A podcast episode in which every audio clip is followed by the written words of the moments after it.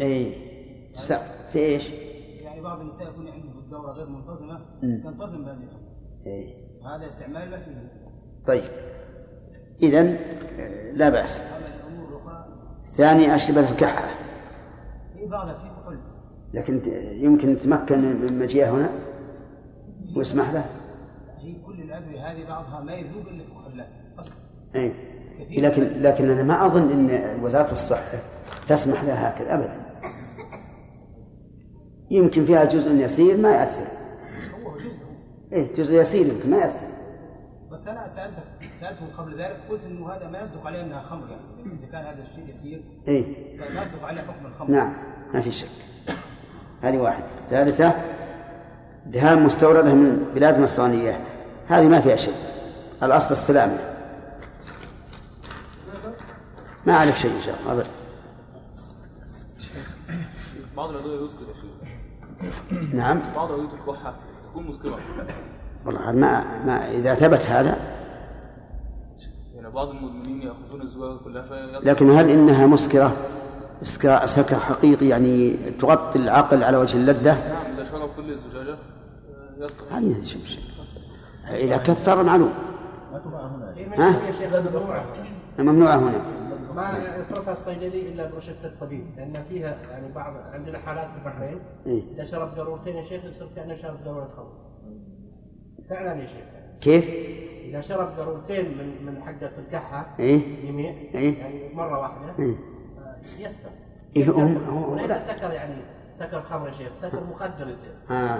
يا شيخ ما هو ما هو بسكر هذا أدوية الكحة تصيب الإنسان بالنوم شوي كأنها منومة يعني إيه؟ سكر مخدر ولكن ليس سكر نعم. أحسنت. هذه يعرفها السكر معناه تغذية العقل على وجه اللذة والطرب يكون الإنسان نشوان فرحان. نعم. أما مجرد فقدان العقل أو الدوخة هذا ما هي سكر؟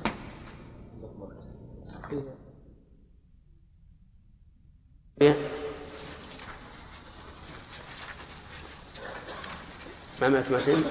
طيب بسم الله الرحمن الرحيم قال المصنف رحمه الله تعالى كتاب البيوع. أنا عندي البيع. كتاب البيع. وهو وهو وهو مبادلة مال ولو في الذمة أو منفعة مباحة كممر بمثل أحدهما على التأبيد غير غير ربا وقرض. بسم الله الرحمن الرحيم.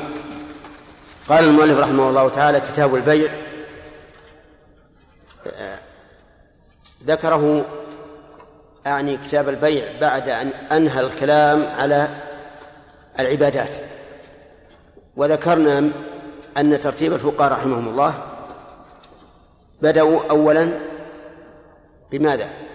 لا بالعبادات وأشرفها الصلاة ومفتاحها الطهارة فبدأوا بالطهارة ثم بالبيع لأن لأن البيع يتوقف عليه إيش؟ مصالح البدن وثم بعد ذلك بالنكاح لأنه بعد أن يأكل الإنسان ويشرب ويتغذى يحتاج إلى نكاح. ثم بعد ذلك بالقصاص والدماء وغيرها. المهم أن البيع جعلوه بعد العبادات لأنه من ضروريات الحياة. والبيع جائز بالكتاب والسنة والإجماع والنظر الصحيح.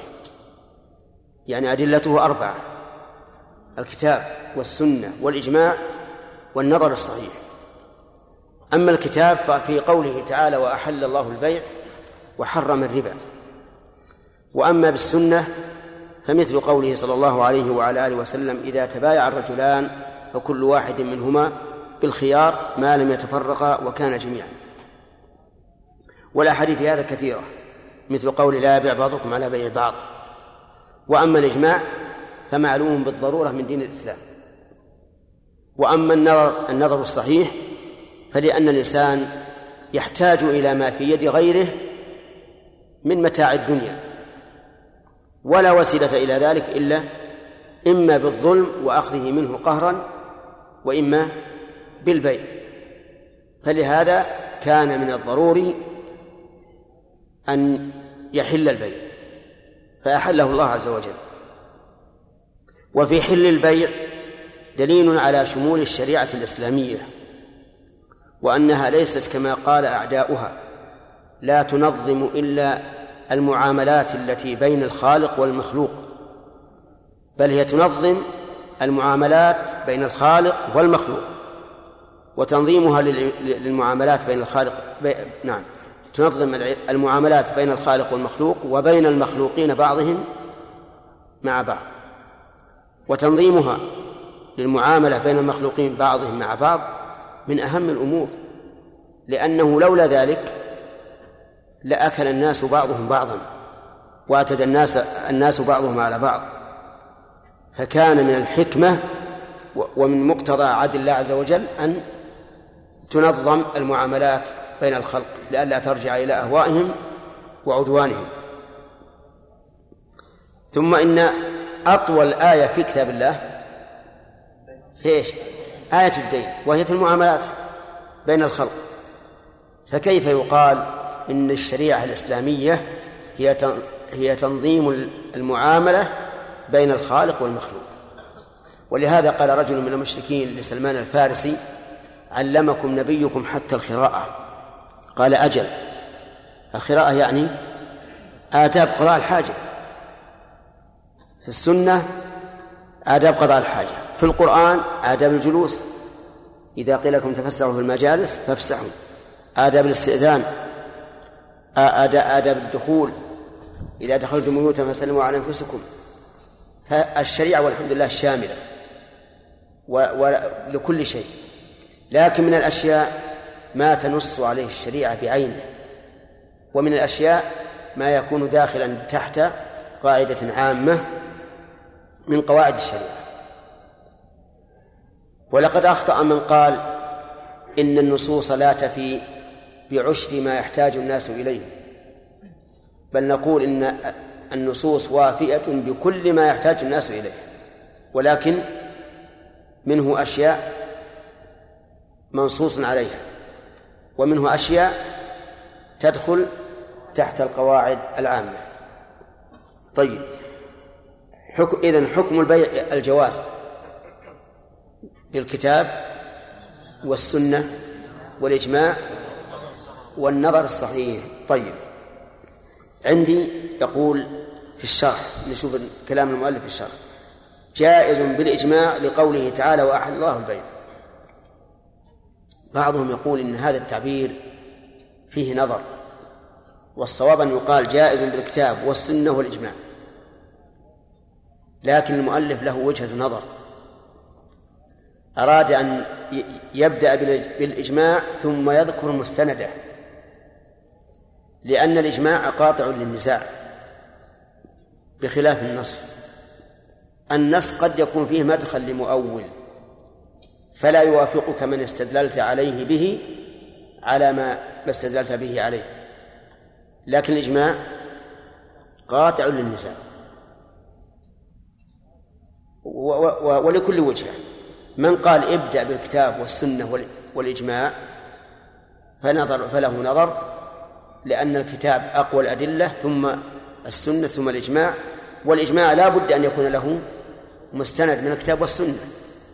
إما معلوم وإما خفي على بعض الناس وإلا لا يمكن وإلا فلا يمكن أبدا أن يوجد إجماع بلا مستند من من كتاب الله أو سنة رسوله صلى الله عليه وعلى آله وسلم. ثم قال وهو مبادلة مال ولو في الذمة إلى آخره هو الضمير يعود على البيع. وقوله مبادلة إلى آخره هذا تعريف له بالإصطلاح.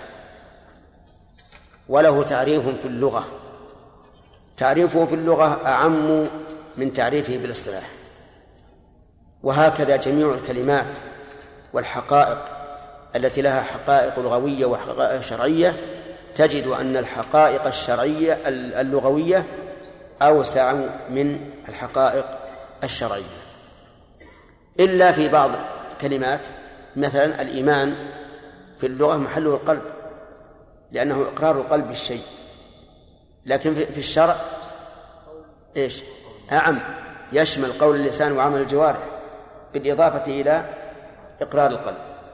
وهذا نادر لكن فالأكثر أن تكون المعاني اللغوية أوسع من من المعاني الشرعية.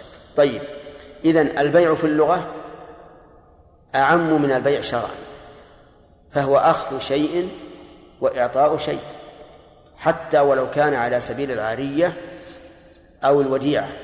فإذا مددت إليك شيئا أعيرك إياه فهو بيع في اللغة لأنه مأخوذ من من الباع.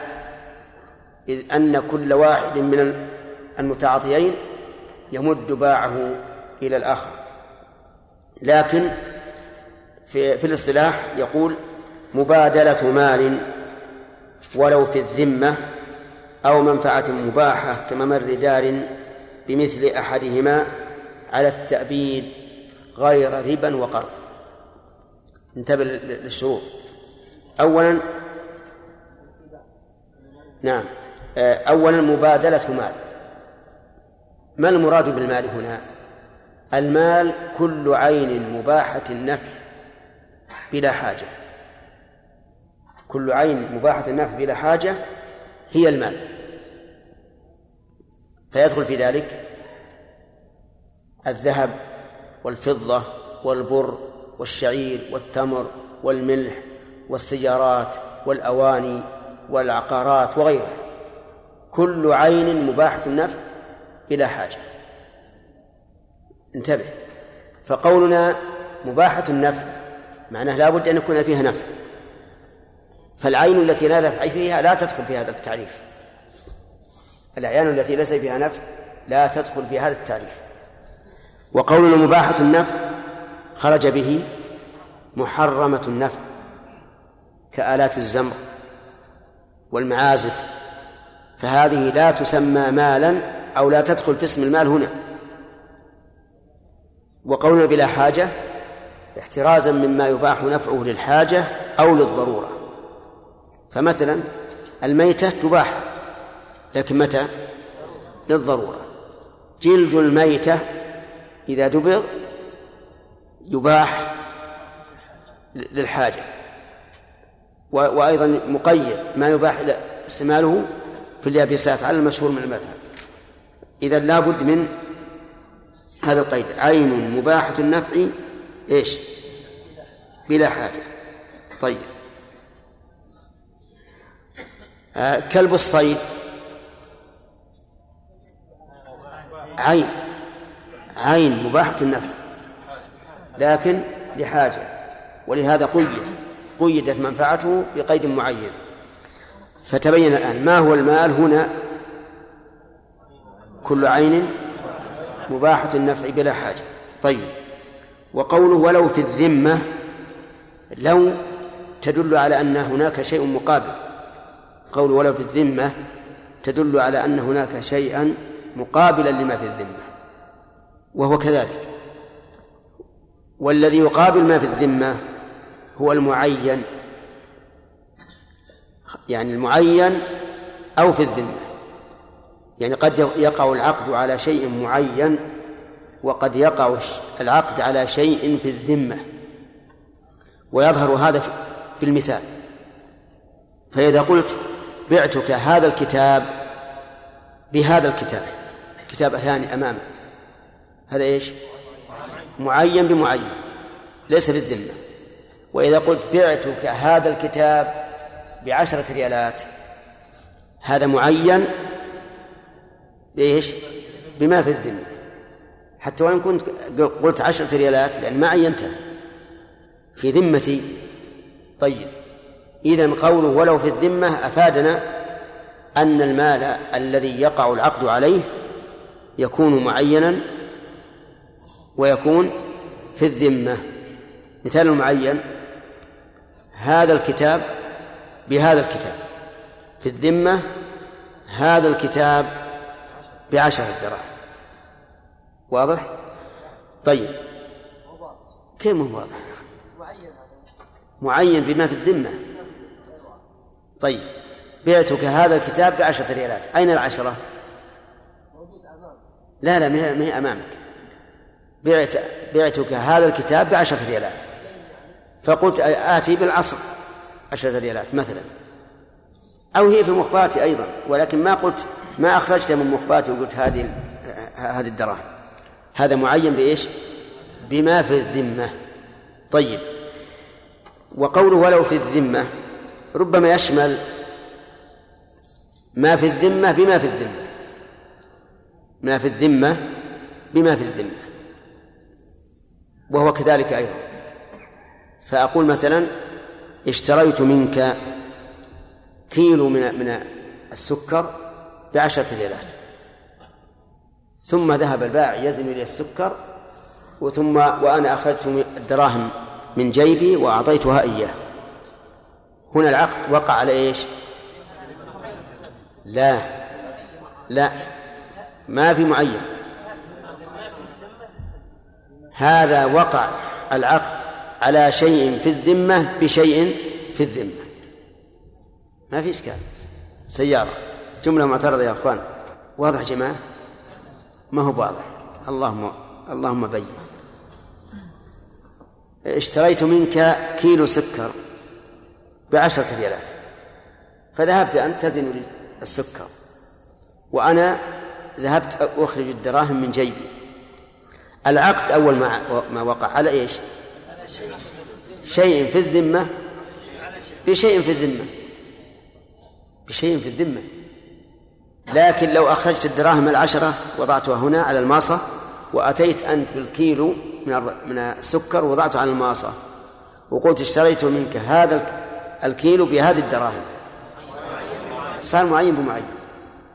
أما الأول إحنا ما عينا الدراهم ما قلت هد هذه الدراهم ولا قلت أنت هذا الكيلو. فصار الآن معين بمعين ومعين بما في الذمة إيش؟ و وبما في الذمة بما في الذمة. تمام؟ طيب. قال المؤلف أو منفعة مباحة كممر في دار. منفعة مباحة يعني مبادلة مال بمنفعة مباحة. مبادلة مال بمنفعة مباحة. مثاله ممر في دار. كيف ممر في دار؟ هذا رجل له دار وله جار. دار وجار. الجار بينه وبين الشارع. فقال الآخر أشتري منك ممرا في في دارك إلى إيش؟ إلى الشارع. قال طيب ما في مانع. اشترى منه الممر إلى الشارع بدراهم. هذا يقال إن مبادلة مال بإيش؟ بمنفعة. فليس للجار الذي اشترى من من جاره المنفعة ليس له إلا الاستطراق.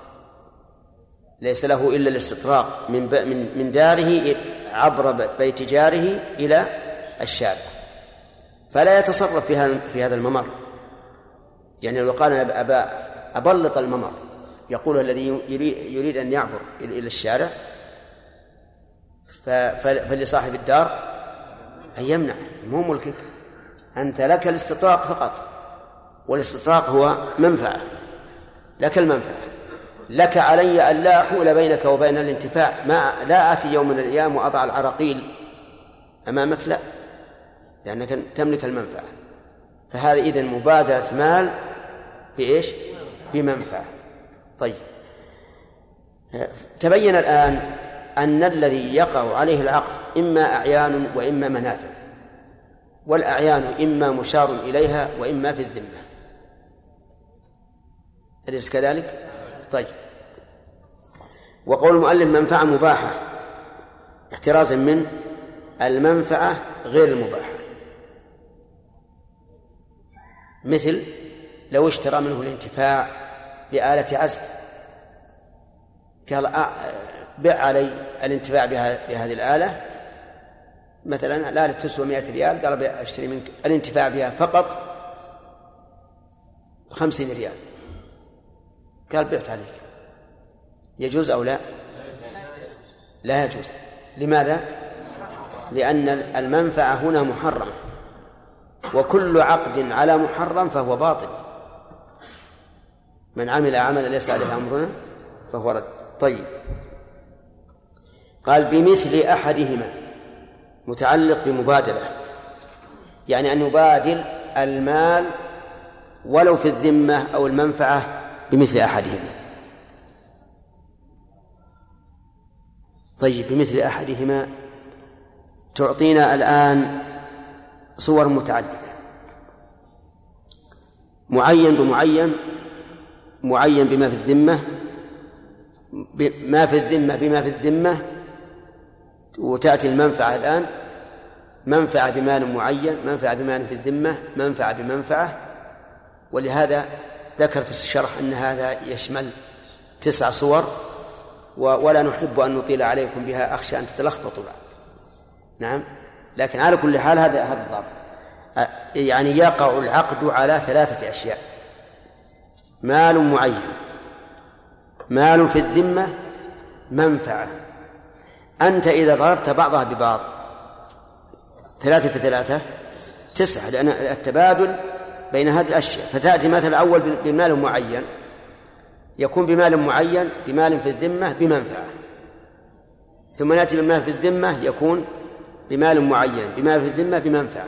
ثم نأتي بالمنفعة ويكون منفعة بمال معين بمال في الذمة بمنفعة. فالجميع الآن تسع صور. ونسأل الله أن لا يلخبط رؤوسكم. قد تقولون يعني ما دام في مبادلة لماذا لا نجعلها ست صور؟ نقول لأن ما دخلت عليه الباء فهو الثمن وما وقع عليه الفعل فهو المثمن فهمتم؟ ما دخلت عليه الباء فهو الثمن وما وقع عليه الفعل فهو المثمن فإذا قلت بعتك كتابا بدرهم الفعل وقع على إيش؟ على كتاب. إذن هو المثمن. بدرهم البا دخلت على درهم فهو الثمن. هذا القاعد فما وقع عليه الفعل فهو المثمن وما دخلت عليه الباء فهو الثمن. طيب يقول على التأبيد. انتبه إلى الآن نحن الآن في في شروط في شروط التعريف. لا بد أن يكون هذا التبادل على التأبيد. احترازا من من الإجارة. الإجارة فيها مبادلة لا شك. استأجرت منك هذا البيت بمئة ريال. فأنا الآن استأجرت معينا بما يا أخوان استأجرت منك هذا البيت بمئة ريال. معين بما في الذمة. كذا ولا؟ ما يخالف منفعة أليس يجوز عقد البيع على المنفعة؟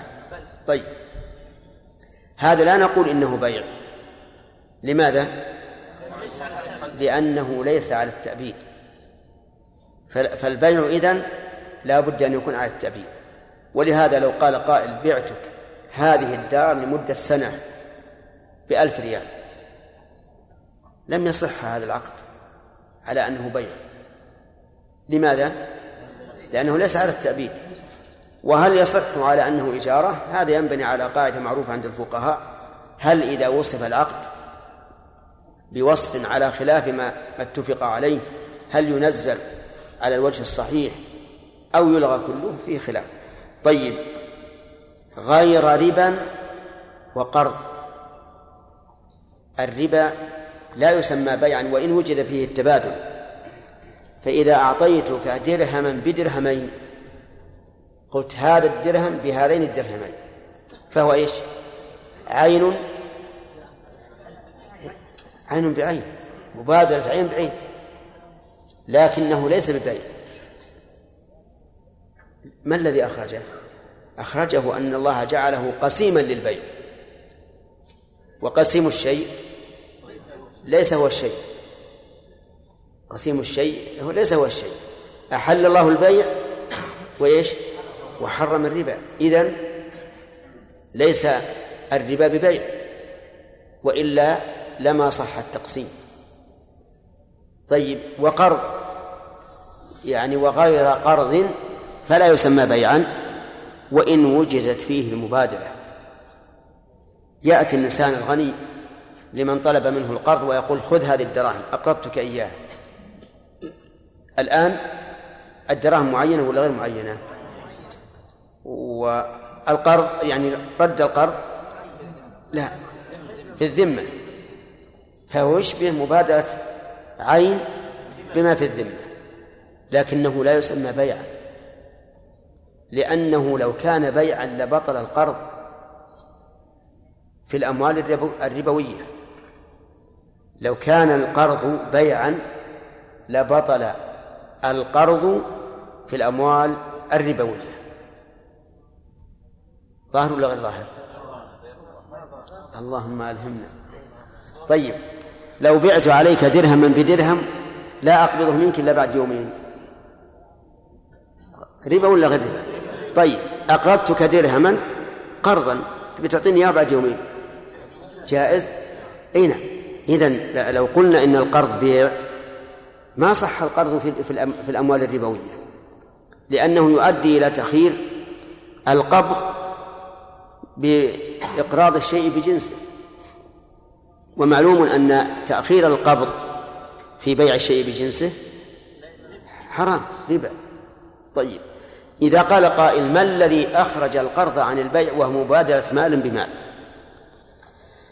قلنا أخرجه قول النبي صلى الله عليه وعلى آله وسلم إنما الأعمال بالنيات وإنما لكل امرئ ما نوى. هذا اللي أخرجه. فما الذي نواه المقرض لما أقرض طالب القرض؟ هل نوى المعاوضة والاتجار أو نوى الإرفاق؟ نعم الثاني لا شك هو نوى الإرفاق. ومن أجل أنه نوى الإحسان صار مقابلا لنية المرابي لأن الأصل في الربا هو الظلم. كما قال تعالى لا تظلمون لكم رؤوس أموالكم لا تظلمون ولا تظلمون. فصار القرض على نقيض مقصود. إيش؟ الربا. إذ أن المقصود منه الإرفاق. فلذلك خرج عن كونه بيعا. إذا ما الدليل على خروج القرض من البيع. قول النبي صلى الله عليه وعلى آله وسلم إنما الأعمال بالنيات وإنما لكل امرئ ما نوى. وذلك أن المقرض والمستقرض لم ينوي أحد منهما المعاوضة إنما قصد المقرض الإرفاق وقصد المستقرض سد حاجته. ولهذا صار القرض لا ليس بيعا. وقلت لكم إننا لو جعلنا القرض بيعا إيش؟ لا بطل القرض في جميع الربويات. نعم بجنسها. واضح؟ نعم. بين وبين لا ما بالله الأشهر اللي وقع عليه العقد هذه عاد مسألة سيأتينا إن شاء الله تعالى. هل تتعين النقود بالتعيين بالعقد أو لا؟ المذهب أنها تتعين بالعقد. عرفت؟ فإذا قلنا بالقول الثاني لا تتعين جينا بشيء آخر أنه كتاب بكتاب. وهذا يتعين بالاتفاق عرفت ولا لا؟ طيب يلزم الذي جعل يعني سأعطيك هذا البيت أو هذا هذه الدكان هذا الدكان يعني بإيجار سنة أو بيت ولكن في ذمتي ثاني أحد قال المال في ذمتي يلزمه يا شيخ مكاتبة؟ يلزمه الكتاب ولا ممكن في الذمة هكذا؟ لا لا لا بد من الكتابة بينهما لا, لا ينسى أحدهما أو يموت. يعني إذا يعني يكون في شيء إذا قال له لا بد من شهود أو عق- أو كتابة. إذا لم يجد يعني إذا لم يفعل ذلك. إذا يأخذ رهن. حتى يسلطوا على على على بيته أو على دكانه. ثم غدا ينكر أو ينسى. الأخ محجوب البارح قال في قول الرسول ثم أنطلق إلى قوم لا يشهدون الجماعة فأحرق عليهم بيوتهم بالنار قال يستدل بهذا على جواز مداهمة المجرمين وإحراق بيوتهم فما رأيكم بهذا بهذا الاستدلال أو هذا الاستنباط؟ ما يستدل ها؟ يستدل على جواز الحمل. شرافي؟ هذا يرد من الحديث بوجوه. ها؟ يرد من من الحديث بوجوه. إيه.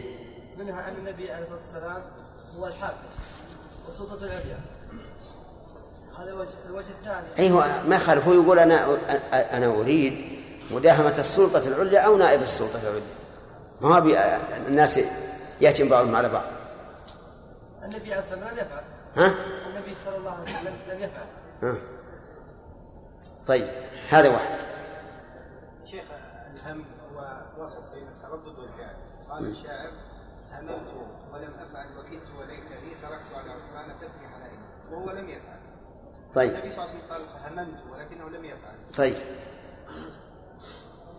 أنت عندك؟ علينا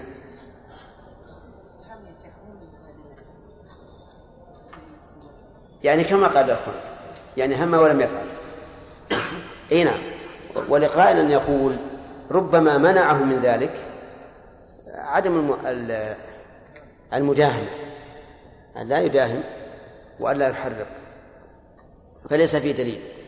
لكن الدليل أنه إذا قويت القرائن إذا قويت القرائن في تهمة بيت ما فلولي الأمر أن يبحث. ويتحقق ولو بمداهمته. لكن لا نجعل كل إنسان يتهم شخص يداهم هذا ما ما يمكن. تكون المسألة فوضى. الثانية هي وهي؟ ها؟ إيش؟ محل المنكر مثل دور يعني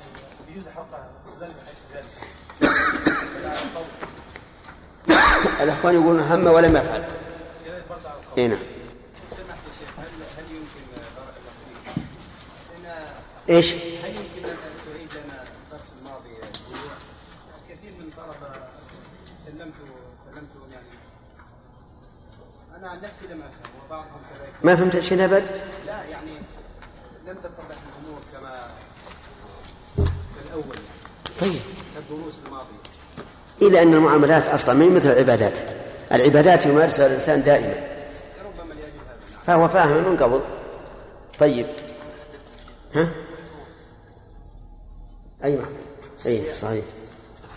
آه، إيش اللي عندك؟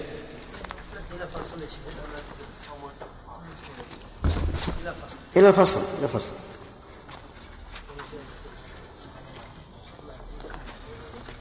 إلى فصل. ومن جامع طيب أولا هل فهمتم البيع لغة واصطلاحا فهمتموه؟ هذه واحدة.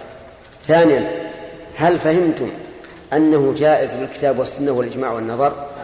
طيب. ثالثا هل فهمتم أن له صورا متعددة؟ وش بك إيش بك؟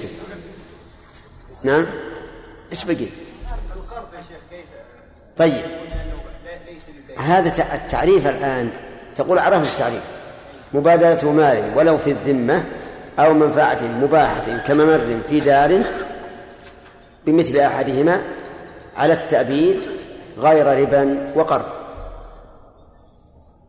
تقول عرفنا الت- التعريف. واضح؟ زين. آه، هل عرفتم من قوله على التأبيد أنه يخرج الإجارة؟ لأنها ليست على التأبيد مؤجلة بأجل معين. آه، هل فهمتم غير ربا أن الربا ليس من البيع؟ وإن كان صورته صورة بيع. لأن الله جعله قسيما للبيع وقسيم الشيء غير الشيء. طيب هل فهمتم أن أن القرض ليس ببيع؟ لا إله إلا الله. القرض غير بيع ليس ببيع. طيب أقرضتك درهما.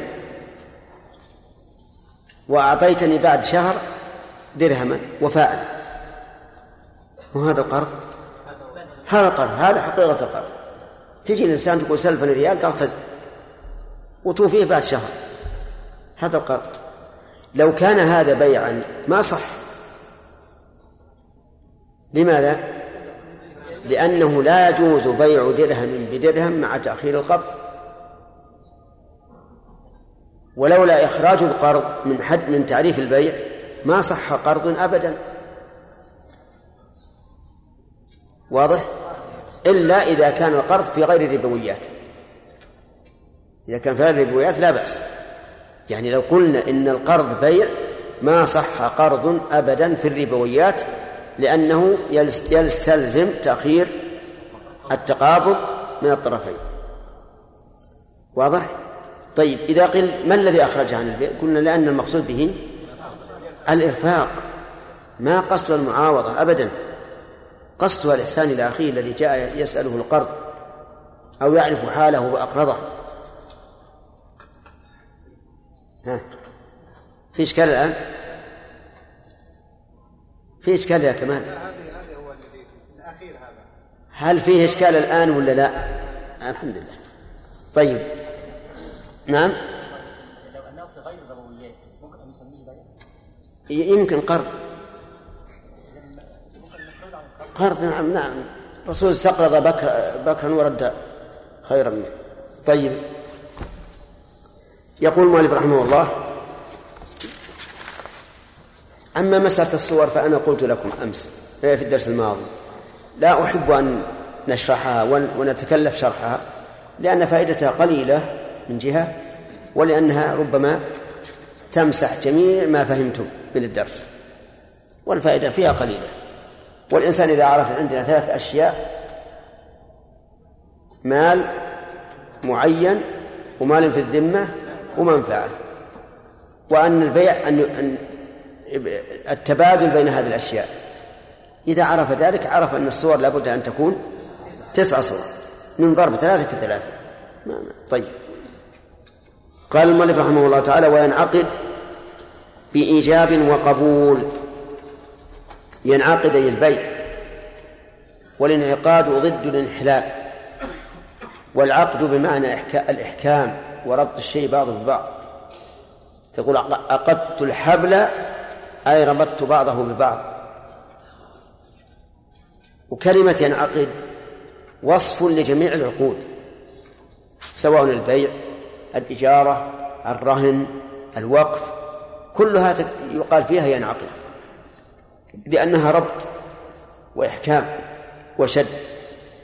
ينعقد بإيجاب وقبول. الإيجاب هو اللفظ الصادر من البائع والقبول هو اللفظ الصادر من المشتري. فالإيجاب هو اللفظ الصادر من البائع أو من يقوم مقامه. والقبول هو اللفظ الصادر من المشتري أو من يقوم مقامه. والحقيقة إني قلت أو من يقوم مقامه من باب التوضيح فقط وإلا فمن يقوم مقام البائع يسمى بائعا فال- فالوكيل مثلا بائع. وكذلك من يقوم مقام المشتري بإيجاب وقبول لكن اشترط المؤلف أن يكون القبول بعده لأنه فرع عنه. بحيث يقول بعتك هذا فيقول قبلت. فلو تقدم وقال قبلت ثم قال الثاني بعت فإنه لا يصح لأن القبول فرع الإجابة. نعم بقبول بعده. ولم يذكر المؤلف صيغة معينة للبيع يعني ما قال لابد يكون بلفظ البيع. فدل هذا على أنه ينعقد بما دل عليه. مثل أن يقول بعتك هذا الشيء أعطيتك هذا الشيء ملكتك هذا الشيء. فالمهم أنه ليس هناك لفظ معين للبيع. أي لفظ يدل عليه فهو, فهو فإنه ينعقد به. وهل هذا شامل لجميع العقود؟ فيه خلاف. فمن العلماء من اشترط للعقود ألفاظا. لبعض العقود ألفاظا معينة وقال لا بد من الإتيان بها كالنكاح مثلا. قال لا بد يقول زوجتك وهذا يقول قبلت ومنهم من قال جميع العقود تنعقد بما دل عليها عرفا. وهذا القول هو الراجح وهو المتعين وهو اختيار شيخ الإسلام ابن تيمية رحمه الله. لأن المعاملات ليست عبادات يتقيد الإنسان فيها بما ورد بل هي معاملات بين الناس. فما عده الناس بيعا فهو بيع وما عدوه رهنا فهو رهن وما عدوه وقفا فهو وقف وما عدوه نكاحا فهو نكاح. فالصواب أن جميع العقود ليس لها صيغ معينة بل تنعقد بماذا؟ بما دل عليه. ولا يمكن لإنسان أن يأتي بفارق بين البيع وبين غيره. أبدا. إذا قالوا مثلا النكاح ذكره الله بلفظ النكاح قلنا والبيع ذكره الله بإيش؟ بلفظ البيع. فهل تقولون أنه لابد يقول بعت؟ يقول لا ما هو لا ما هو شرط. إذا ينعقد بكل لفظ دل عليه عرفا بإجاب وقبول بعده. قال وقبل نعم وقبله. قبله يعني ويصح أيضا بقبول قبله لكن في صور معينة. هذه الصور لا بد أن تكون دالة على العقد. لا بد أن تكون دالة على العقد. مثل يقول بعني كذا بعشرة. فيقول البايع بعتك انتهى مع أن القبول أو ما يدل على القبول قد سبق الإيجاب. لكن نحن نحن قعدنا قاعدة أنه ينعقد بما دل عليه. طيب. لو قال أتبيعني كذا بكذا؟ فقال بعتك. هل ينعقد؟ لا يستفهم الآن. هو يستفهم الآن. أتبيعني؟ فإذا قال بعتك يقول قبلت. ولهذا عندنا بلفظ أمر أو ماض مجرد عن الاستفهام ونحوه لأن المعنى حاصل به. طيب لو قال اشتريت منك كذا بكذا فقال بعتك. نعم. لماذا؟ لأنه دل عليه. لأنه دل عليه.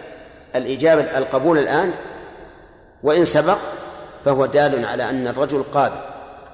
فصار الآن ينعقد إذا تقدم القبول على الإيجاب بشرط أن يكون دالا عليه على القبول. أما إذا كان لم يدل كمضارع استفهم هل تبيعني كذا أو تبيع أو أتبيعني كذا أو ما أشبه ذلك فهذا لا يعتبر قبولا نعم مرضيا. قال متراخيا عنه في مجلسه. متراخيا هذا حال من القبول يعني أن القبول يجوز أن يكون عقيب الإيجاب ويجوز أن يكون متراخيا عنه. أما كونه جائزا عقيب الإيجاب فالأمر واضح. قال بعتك هذا بعشرة؟ قال قبلت. القبول هنا أعقب الإيجاب. وهذا لا لا إشكال فيه. يجوز أن يتراخى. أن يتراخى عن الإيجاب فيقول بعتك هذا بعشرة ثم يسكت المشتري. فكر لأن الإنسان قبل أن قبل أن يباع عليه الشيء يجد في نفسه رغبة فيه. فإذا قال بعتك ربما يتريث وتزول هذه الرغبة. وأحب شيء إلى الإنسان ما منع. ولهذا تجد الصيادين الذين الذين يصيدون الطيور قبل أن يرمي الطير ومعه شفقة عظيمة على هذا الطير. فإذا رماه وسقط الأرض صار لا يساوي شيئا عنده. هذا هذه السلع في يد البائع. إذا قال بعني هذا الشيء بعشرة فقال بعتك نعم. إذا قال هل تبيع علي هذا بعشرة؟ قال نعم أبيعه عليك بعشرة. فهنا لو تأخر القبول فلا بأس. طيب لكن نقول إذا تراخى عنه لابد من شروط. أن يكون في مجلسه وأن لا يتشاغل بما يقطعه. أن يكون في المجلس وأن لا يتشاغل بما يقطعه. أما كونه في المجلس فهو فهو فهو احترازا مما لو كان في غير المجلس. بأن قال بعتك هذه السلعة بعشرة ثم تفرق ثم رجع وقال قبلت. فهذا لا يصح هذا القبول. لماذا؟ لتغير المجلس. كذلك لو تشاغل بما يقطعه. قال بعتك هذه السيارة بثلاثين ألفا. ما يخالف. النوع بثلاثين ألفا. فقال مررت اليوم الكلية ووجدت فلان ناجح وفلان مكمل وفلان حامل وفلان راسب. نعم. وشو والله أنا ساعني هذه النتيجة. قال هذه النتيجة ما هي طيبة. ثم قال قبلت. يصح ولا ما يصح؟ ليش؟ تشاغل بما يقطعه. تشاغل بما يقطعه إذا لابد لصحة هذا العقد من أن يعيد البائع الإيجاب حتى يكون القبول عاقبة. يشترط أيضا في القبول الآن فهمنا أن يشترط في القبول أن يكون بعد الإيجاب إلا ما استثني. يشترط أن يكون عقب الإيجاب أو متراخيا عنه بشرط إيش؟ أن يكون في المجلس وأن لا يتشاغل بما يقطعه. الشرط الثالث أن يطابق القبول الإجابة. أن يطابق القبول الإجابة. فلو قال بعتك شرح ابن عقيل بعشرة فقال قبلت الروض المربع بعشرة. يصح؟ ليش؟ اختلف. طيب. قال بعتك شرح ابن عقيل بعشرة فقال قبلته بتسعة. لا يصح. لماذا؟ لعدم المطابقة. طيب لو قال قبلته بأحد عشر. انتبهوا لهذا. قال بعتك شرح ابن عقيل بتس بعشرة قال قبلته بأحد عشر.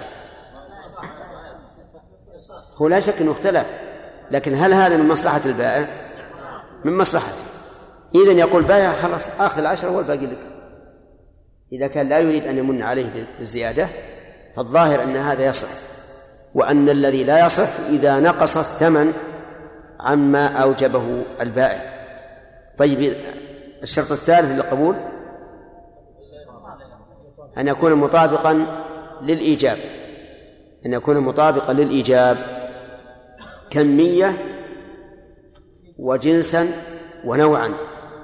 يعني قدرا وجنسا ونوعا إلا أن القدر نقول إذا زاد فقد زاده خيرا ولا وعادة أن البائع لا يرد الزيادة هذا هو العادة والغالب. ثم قال المؤلف وهي الصيغة القولية. هي يعني صورة الإيجاب والقبول. الصيغة القولية وهذا يشعر بأن هناك صيغة غير قولية. وهو كذلك وقد ذكرها بقوله وبمعاطاة وهي الفعلية. معاطاة يعني كل واحد يعطي الثاني بدون قول. وهذه الصيغة الفعلية. إذن للعقد صيغتان قولية وفعلية. القولية هي الإجابة والقبول والفعلية ما وش؟ ما هي؟ أي يعني ما بك تنظر المروح. الفعلية هي إيش؟ المعاطاة. المعاطاة عاد لها ثلاث صور. أن تكون أن تكون معاطاة من الجانبين. وأن تكون معاطاة من البائع وأن تكون معاطاة من المشتري. مثالها من الجانبين أن يكون هنا يعني أدوية مثلا. قد كتب سعرها ووضع إلى جانبها وعاء للثمن فيأتي المشتري ويضع ثمن هذا ال- الدواء بوعاء بوعاء الثمن ويأخذ الدواء. هذه إيش؟ معاطاة من الجانبين كل واحد منهم ما تكلم وضع الثمن في مكانه وأخذ المبيع. هذه معاطاة من الجانبين. معاطاة من ال- البائع قال أعطني بهذا بهذا الدرهم خبزا. فأخذ البائع كيس الخبز اللي بالدرهم كم عددها؟ أربع أخذ الكيس بها أربع وأعطاه. هذه معطاة ممن ممن؟ من البائع. المشتري قال أعطني بهذا الدرهم خبزا. بالعكس يكون معطاة من من المشتري قال البائع خذ هذا الكتاب بعشرة فأخذه المشتري ولم يقل قبلت ولكن أعطاه عشرة. المعطاة هنا ممن؟ من؟ المشتري البائع قدر الثمن وأوجب. قال بعتك هذا الكتاب بعشرة أو خذ هذا الكتاب بعشرة فأخذه ولم يتكلم وأعطاه العشرة. وهذا يدلنا على أن مسألة المعاملات أمرها سهل. يرجع فيه إلى ما تعارفه الناس. والناس كلهم يتع... قد تعارفوا بأن هذه المعاطاة المعاطاة عقد ولا غير عقد؟ عقد يرونها عقد يرونها عقدا واضحا. خلاصة الدرس أن للبيع نعم أن لع- لعقد البيع صيغتين قولية وفعلية. القولية هي الإجاب والقبول والإجاب هو اللفظ الصادر من البائع أو من يقوم مقامه والقبول هو اللفظ الصادر من المشتري أو من يقوم مقامه وعرفتم شروط ال- القبول. وأما الصيغة الثانية فهي صيغة فعلية وهي المعاطاة.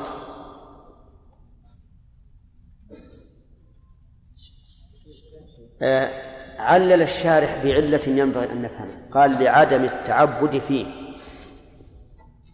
لأن لأنه ما فيه تعبد بالصيغة. كل ما دل على العقد فهو عقد. كذا يا سعد فكل ما دل على العقد فهو عقد. نعم. شيخ بارك الله فيك هل يجب أو يشترط من البائع أو المشتري أن يكون عاقلا ما جاءت الشروط بارك الله فيك. الشروط سبعة. يعني الشروط سبعة. تأتي إن شاء الله. عنه يعني ظاهر الكلام انه يعود إلى القبول. نعم لا لا لا لا ما هو هذا. صحيح يعني العبارة فيها شيء من القلق. تراخي يعني بعده إي نعم. لأن إذا صار قبله ما يصير متراخيا عليه سابقا عليه. نعم. نعم. ها؟ بدأت؟ طيب. آه القبول. نعم.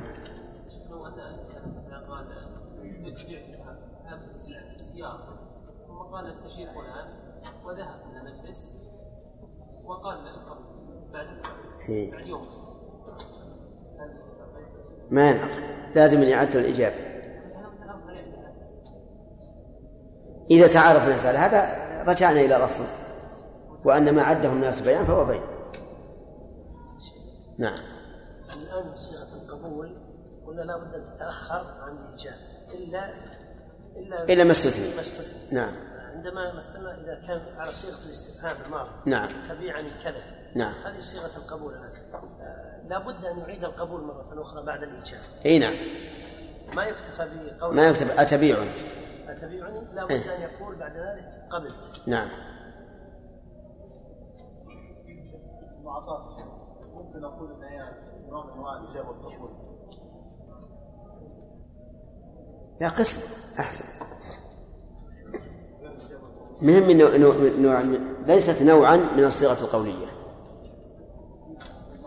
بل هي قسم من من من- من صيغة العقد صيغة العقد قسمين.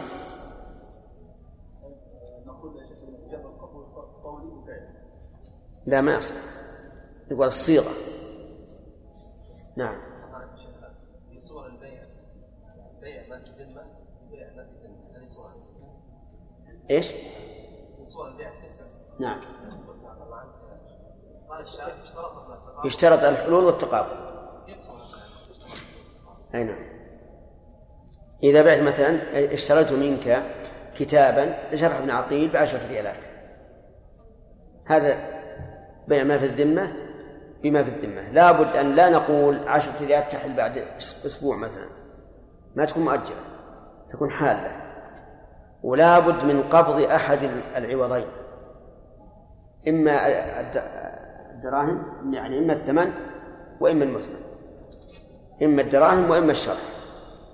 لأنهم يرون أنه لا يصح بيع ما في الذمة بما في الذمة مع التفرق لأنه يكون بيع دين بدين.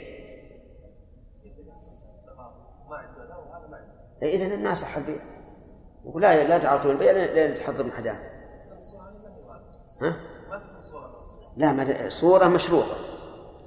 صورة مشروطة. وفائدة الآن إذا قلت اشتريت منك شرح من عقيل بعشرة ريالات هل هذا معين؟ الشرح؟ غير معين. والريال؟ إذن هذه.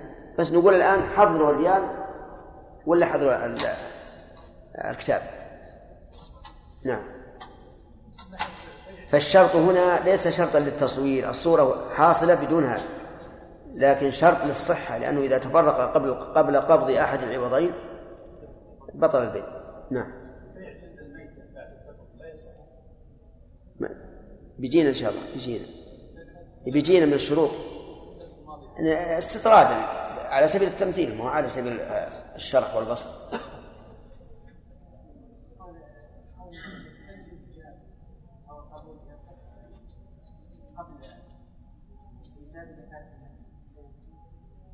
متراخي هذا إذا صار بعده إذا صار بعده. نعم.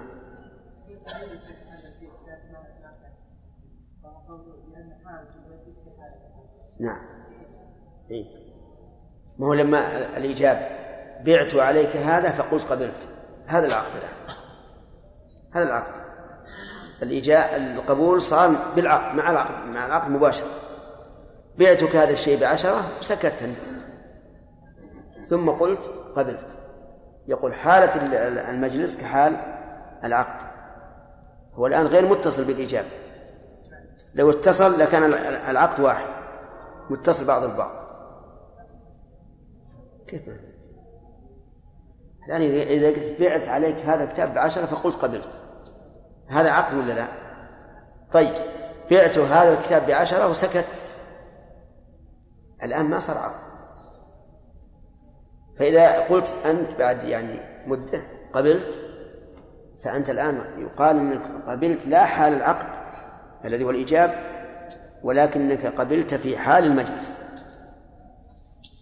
يقول فالمجلس حال المجلس حال العقد. انتهى الوقت. الظاهر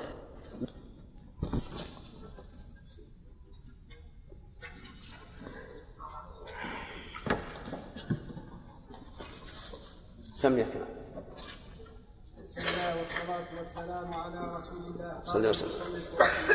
في كتاب البيع. فإن تشاغل بما يقطعه بطلا وهي الصيغة القولية وبمعاطاة وهي الفعلية ويشترط التراضي منهما فلا يصح فلا يصح من مكره بلا حق وأن يكون العاقد جائز التصرف فلا يصح تصرف صبي وسفيه بغير إذن ولي وأن تكون العين مباحة النفع مباحة. مباحة النفع من غير حاجة كالبغل والحمار وذوب القز وبزره. بزر وبزره والفيل وس- وسباع والفيل والفيل. والفيل وسباع البهائم التي تصلح للصيد. إلا الكلب والحشرات والمصحف والميتة والسر والسرجين النجس والأدهان والأدهان النجسة. بس بسم الله الرحمن الرحيم. الحمد لله رب العالمين وصلى الله وسلم على نبينا محمد وعلى آله وأصحابه ومن تبعهم بإحسان إلى يوم الدين. لما ذكر المؤلف رحمه الله تعريف البيع ذكر شروط البيع وكان الأولى أن يذكر حكم البيع لأن التعريف يستلزم التصور تصور الشيء. وبعد التصور يكون الحكم. ولهذا من الكلمات السائرة عند العلماء الحكم على الشيء فرع عن تصوره. وقال ابن القيم في النونية إن البدار برد شيء لم تحط علما به سبب إلى الحرمان. البيع جائز وقد سبق لنا أن أنه جائز بالكتاب والسنة والإجماع وإيش؟ والنظر الصحيح. لكن لا بد فيه من شروط. ومن حكمة هذه الشريعة أنها جعلت للعبادات شروطا وللعقول شروطا وللتبرعات شروطا لأنها لأن هذه الشروط هي التي تضبط ما كانت شرطا فيه. وإلا صارت المسألة فوضى. فالشروط من ضرور من ضرورات انتظام الأحكام. ولهذا كان البيع له شروط والإجارة لها شروط والوقف له شروط والرهن له شروط وهل مجرة حتى تنضبط الأحكام وتنضبط العقود. البيع له شروط سبعة. فإذا قال قائل ما هو الدليل على هذا الحصر؟ فالجواب التتبع أن العلماء تتبعوا فوجدوا أنه لا بد من شروط يصح بها البيع وهي سبعة وربما تدور على إن شاء الله تعالى سنبين أنها هذه السبعة تدور على ثلاثة أمور الظلم والغرر والربا لكن التفصيل حسن الأول التراضي منهما. التراضي منهما أي من البائع والمشتري. اشترط التراضي من البائع والمشتري. ودليل ذلك قول الله تبارك وتعالى ولا تأكلوا أموالكم بينكم ب... يا أيها الذين آمنوا لا تأكلوا أموالكم بينكم بالباطل إلا أن تكون تجارة عن تراض منكم. ومعنى التجارة عن تراض أي تجارة صادرة عن تراض منكم. هذا من القرآن. وفي السنة قال النبي صلى الله عليه وسلم فيما يروى عنه إنما البيع عن تراض. والنظر يقتضي ذلك أيضا لأننا لو لم نشترط التراضي لأصبح الناس يأكل بعضهم بعضا. كل إنسان يرغب سلعة عند شخص يذهب إليه ويقول اشتريتها منك بكذا قهرا عليك. وهذا يؤدي إلى الفوضى. والشغب والعداوة والبغضاء فإذا الدليل على اشتراط التراضي من من من الكتاب والسنة والنظر الصحيح. فلا بد من التراضي.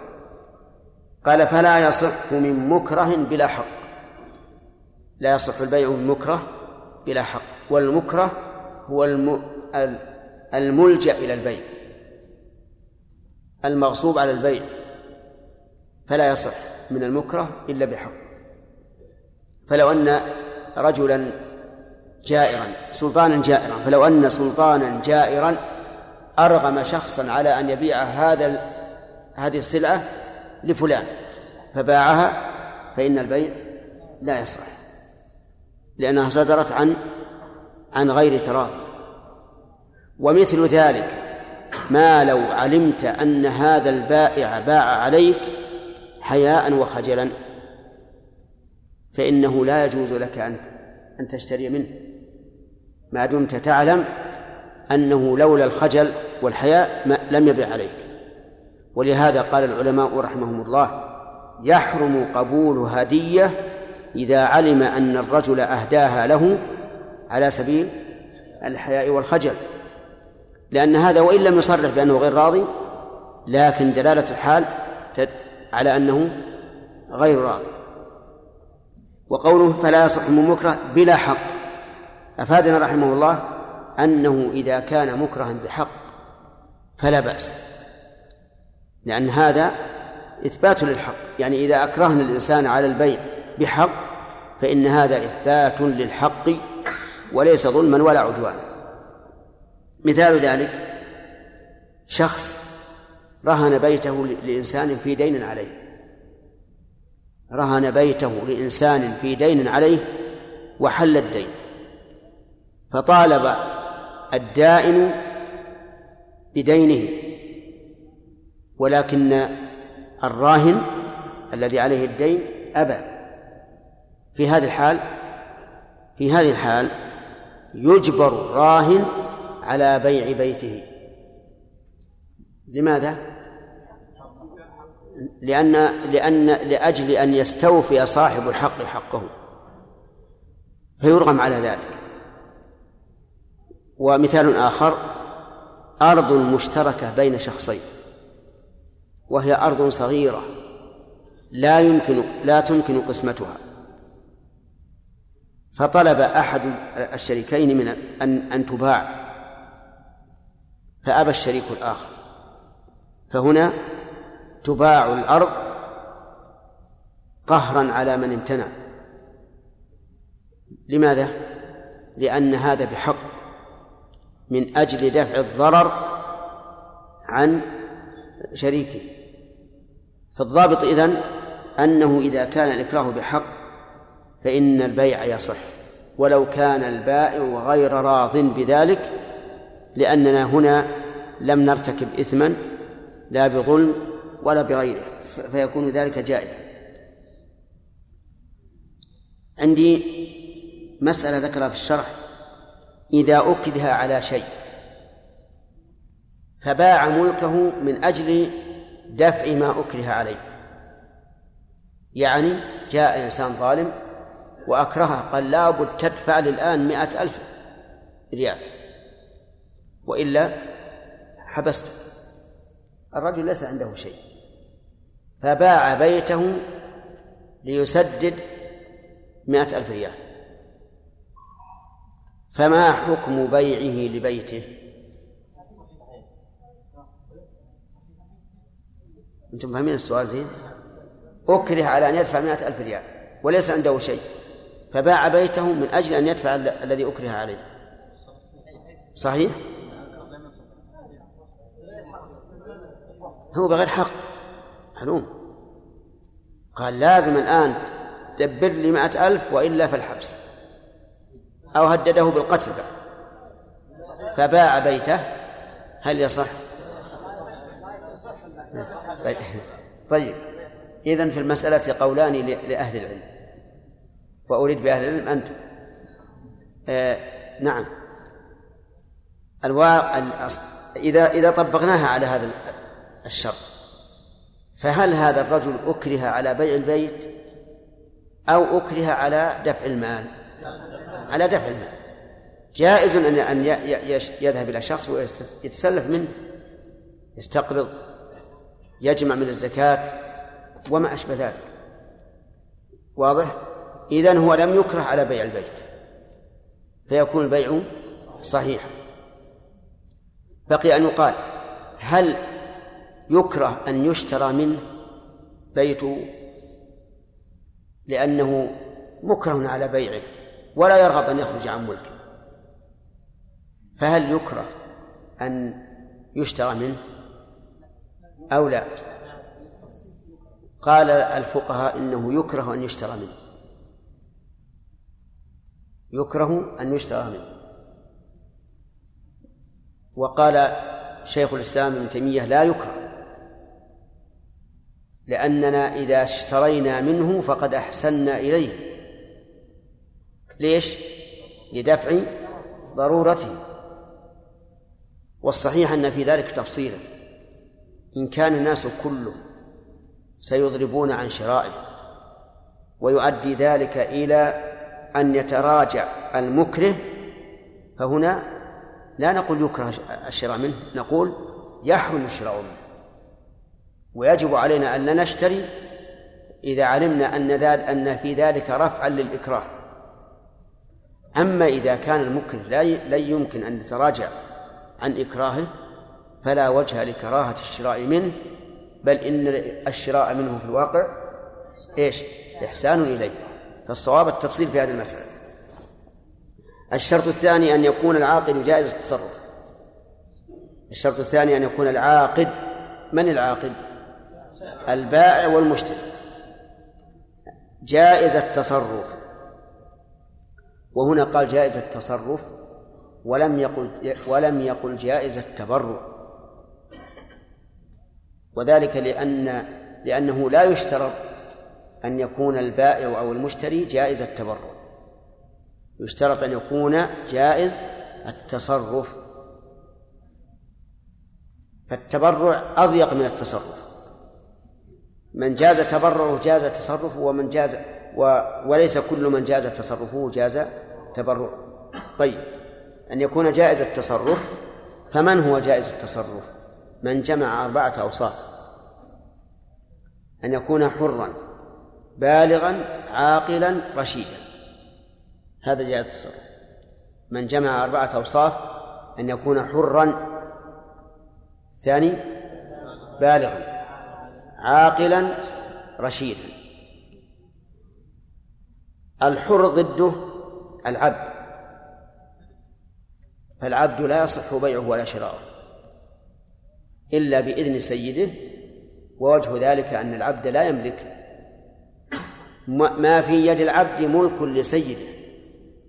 والدليل على هذا قول النبي صلى الله عليه وسلم من باع عبدا له مال فماله لبائعه إلا أن يشترطه المبتاع. فهنا نقول العبد لا يصح بيعه إلا بإذن سيده. آه أن يكون بالغا ضد البالغ الصبي. ولهذا قال المؤلف فلا يصح تصرف صبي بغير إذن ولي. حتى وإن كان مراهقا. لو كان له أربع عشرة سنة وكان حاذقا. جيدا في البيع والشراء فإنه لا يصح بيعه. لأنه لم يبلغ صغير. والدليل على ذلك قوله تعالى وابتلوا اليتامى حتى إذا بلغوا النكاح فإن آنستم منهم رشدا فادفعوا إليهم أموالهم. فاشترط الله لدفع أموالهم شرطين أولا بلوغ النكاح وذلك بالبلوغ والثاني الرشد. طيب. و والمجنون والعقل ضده المجنون. فالمجنون لا يصح تصرفه. ومن ذلك المهذري. لا يصح بيعه. فلو أن رجل أصيب بالهذرات هرم كبر وجاء الإنسان وقال فلان أنا ببيع عليك. أبيع عليك بيتي وبيع عليك سيارتي وبيع عليك عيالي وبيع عليك كذا. نعم. يصح بيعه لبيته وسيارته دون أولاده لأن الأولاد أحرار لا يجوز بيعهم أليس كذلك؟ نعم. لا يصح. لماذا؟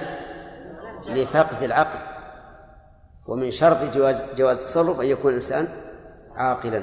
طيب. قلنا رشيدا من من من الرشيد؟ الرشيد هو الذي يحسن التصرف في ماله. يحسن التصرف بحيث لا يبذله في شيء محرم ولا في شيء لا فائدة منه. ولا يبيع الشيء الذي يساوي مئة بعشرة أو يشتري ما يساوي عشرة بمئة. المهم أنه يحسن التصرف يحسن التصرف ضده السفيه. ولهذا قال المؤلف وسفيه أي ولا يصح تصرف السفيه بغير إذن ولي. فإن أذن فإنه لا بأس. وهنا نسأل من الولي؟ الولي هو من يتولى ماله. وسيأتي إن شاء الله في باب الحجر من الذي يتولى مال السفيه. ولكن ظاهر كلام المؤلف أنه يصح إذن الولي للسفيه بالتصرف المطلق والمعين. المطلق والمعين. المطلق بأن يقول خذ هذا المال اتجر به. والمعين أن يقول خذ هذا المال اتجر به في شيء معين كبيع الدجاج بيع البيض بيع الأشياء الخفيفة. هذا ظاهر كلام المؤلف ولكن هذا الظاهر غير مراد. بل يقال بغير إذن ولي في الشيء المعين بأن يأتي إليه ويقول أنا أريد أن أشتري مثلا دبابا. فيقول اشتر أو يأتي إليه ويقول أنا أبيع أريد أن أبيع دبابي مثلا فيقول بيع. إلا في الشيء اليسير الذي جرت العادة في إعطاء الصغار إياه فلا بأس. و ولكن هل يجوز أن يأذن للسفيه أو الصبي إرضاء لهما من غير مراعاة المصلحة المالية؟ الجواب لا. ولهذا نقول يحرم على الولي أن يأذن بدون مصلحة لقول الله تعالى ولا تقربوا مال اليتيم إلا بالتي هي أحسن. طيب. هذا الشرط الثاني أن يكون العاقد جائز التصرف. وجائز التصرف هو الذي جمع أربعة أوصاف الحرية والبلوغ والعقل والرشد. قال الشرط الثالث أن تكون العين مباحة النفع من غير حاجة.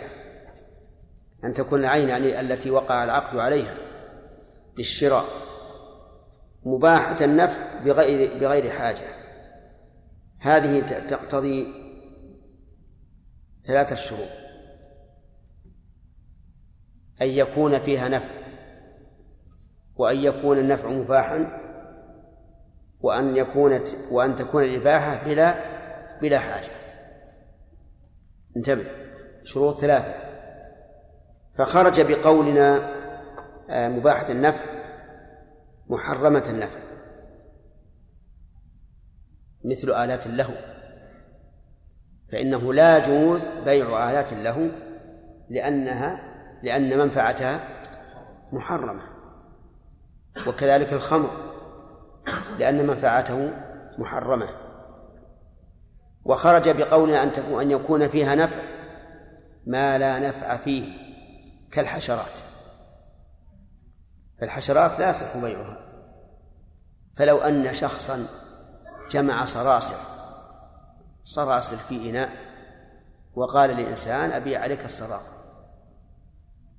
تعرفون الصراصر هل يجوز بيعها؟ لماذا؟ ما فيها نفع.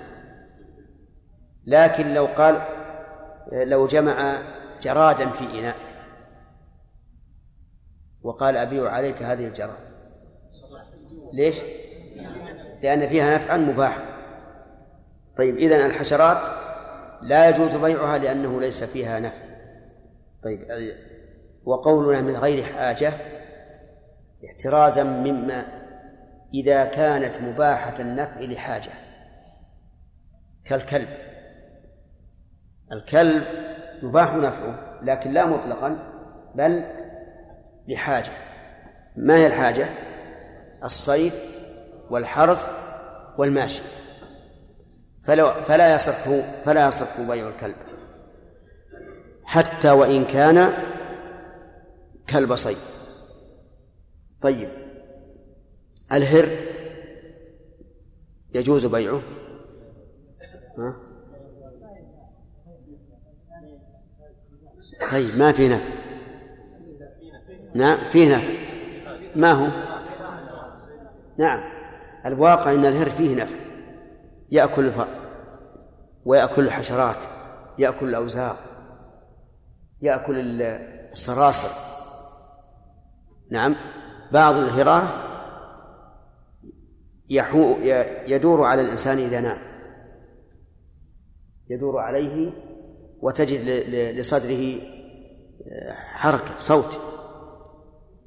وإذا قرب من الإنسان النائم أي حشرة خبطها بيده ثم إن اشتهاها أكلها ولا تركها. هذا نفع ولا نفع؟ هذا نفع. ولهذا قال الفقهاء إنه يجوز بيع الهر. يجوز, بيع الهر. لكن قد ورد في صحيح مسلم أن النبي صلى الله عليه وسلم نهى عن بيع الهر ولهذا اختلف العلماء في ذلك. فمنهم من أجازه وحمل الحديث الذي فيه النهي على هر لا فائدة منه لأن أك... لأن أكثر الهررة بل أكثرها معتدي لا فائدة منه ويعتدي أيضا. لكن إذا وجدنا هرا مربى وينتفع به فالقول بجواز بيعه ظاهر لأنه فيه نفع طيب بيع الميتة. الميتة فيها نفع مباح لكنه للضرورة مو للحاجة للضرورة ولهذا حرم بيعه. طيب إذن أن يكون مباحا من غير حاجة ونقول من غير ضرورة أو أو نكتفي بذكر الحاجة. بذكر الحاجة لأننا إذا قلنا من غير حاجة فمن غير ضرورة من باب أولى. طيب إذا كان في العين نفع لكنه نفع مقيد ليس نفعا مطلقا. مثل جلد مثل جلد الميتة إذا دبغ. فالمشهور من المذهب أنه لا ينتفع به في كل شيء وإنما ينتفع به في اليابسات. وبناء على هذا يقولون لا يصح بيعه لأن نفعه ليس مطلق ليس مطلقا بل هو نفع مقيد ويشترط أن يكون النفع مطلقا. وحينئذ تكون الشروط أن تكون أن يكون في العين نفع وأن يكون نفعها مباحا وأن لا يكون إباحته لحاجة وأن لا يكون مقيدا أن لا يكون النفع مقيدا. فإن كان مقيدا فإنه لا يصح بيعه لأنه لأن المشتري لا يملك به عموم الانتفاع. نعم. نعم. لا لا. المراد المميز. اي وهذا المراد.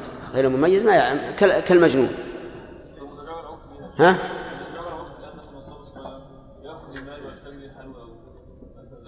الذي لم يميز؟ ما أدري.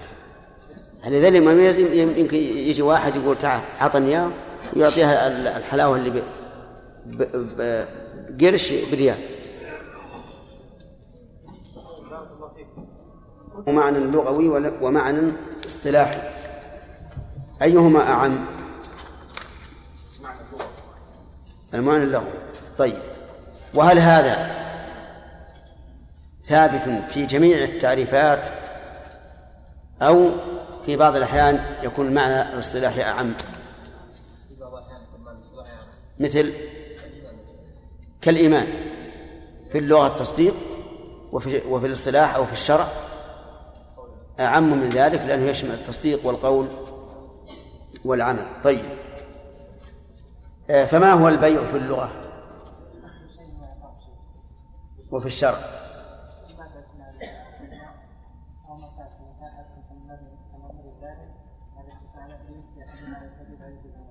طيب.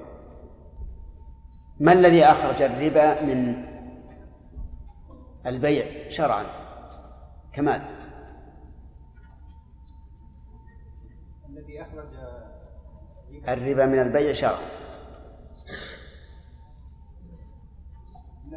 مع أنه مبادرة مال بمال على التأبيد.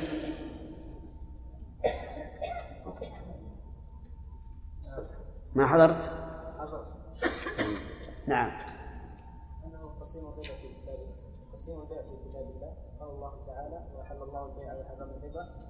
وقسيم الشيء ليس منه. أحسنت. قسم الشيء لا يسمى والعجيب أن كمال كان يرد علي في ذلك تلك الليلة؟ يقول قسيم الشيء لا سمع نعم. أنا فاهم كذلك. طيب. آه، الأخ سامح. ذكروا أن هذا التعريف يشمل تسع صور. فما وجهه؟ تعريف هذا يشمل تسع صور. فما وجهه؟ المبادلة تكون على عين أو مال في الذمة طيب. بائع مختلف ستكون حصل ضرب ثلاثة ثلاثة تكون الصورة تسعة. طيب. إما عين أو دين أو منفعة. بمثل أح- أحدها تكون تسعة. وجه ذلك أن نقول عين بدين عين بعين عين بمنفعة. شوف الآن آه ال- الأساس هو العين. عين إيه، الغصن مثلا خلي الأصل الآن العين الغصن عين إيش؟ دين منفع نجعل الأساس الدين. دين الفرع عين دين منفعة. نجعل الأساس المنفعة فالفرع عين دين منفعة. فصار صار الجميع الآن تسع صور طيب. إيه، ما الذي أخرج القرض عن البيع؟ إبراهيم. الإرفاق كذا. لو جعلنا القرض من من البيع لازم من ذلك؟ إيه لازم يبطل القرض. يعني ما استددنا باب القرض. كذا توافقون على هذا يا جماعة؟ نسد باب القرض فيما يجري فيه الربا. فيما يجري فيه الربا. لأن لأنه إذا جعلناه بيعا لازم من ذلك تأخير القبض فيما يشترط فيه القبض. نعم.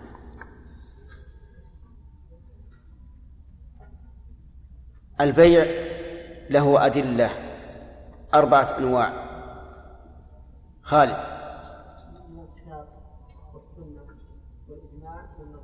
الكتاب والسنة والجماعة والنظر الصحيح.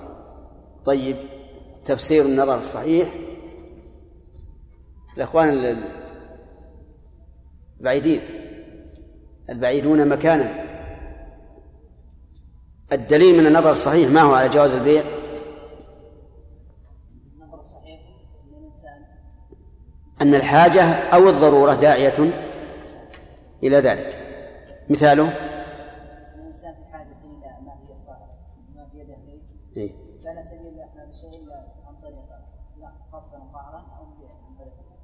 أو عن طريق البيع الحاجة داعية لذلك لأن الإنسان يحتاج يحتاج مثلا لنقل يحتاج إلى طعام. وليس عنده طعام وعنده دراهم.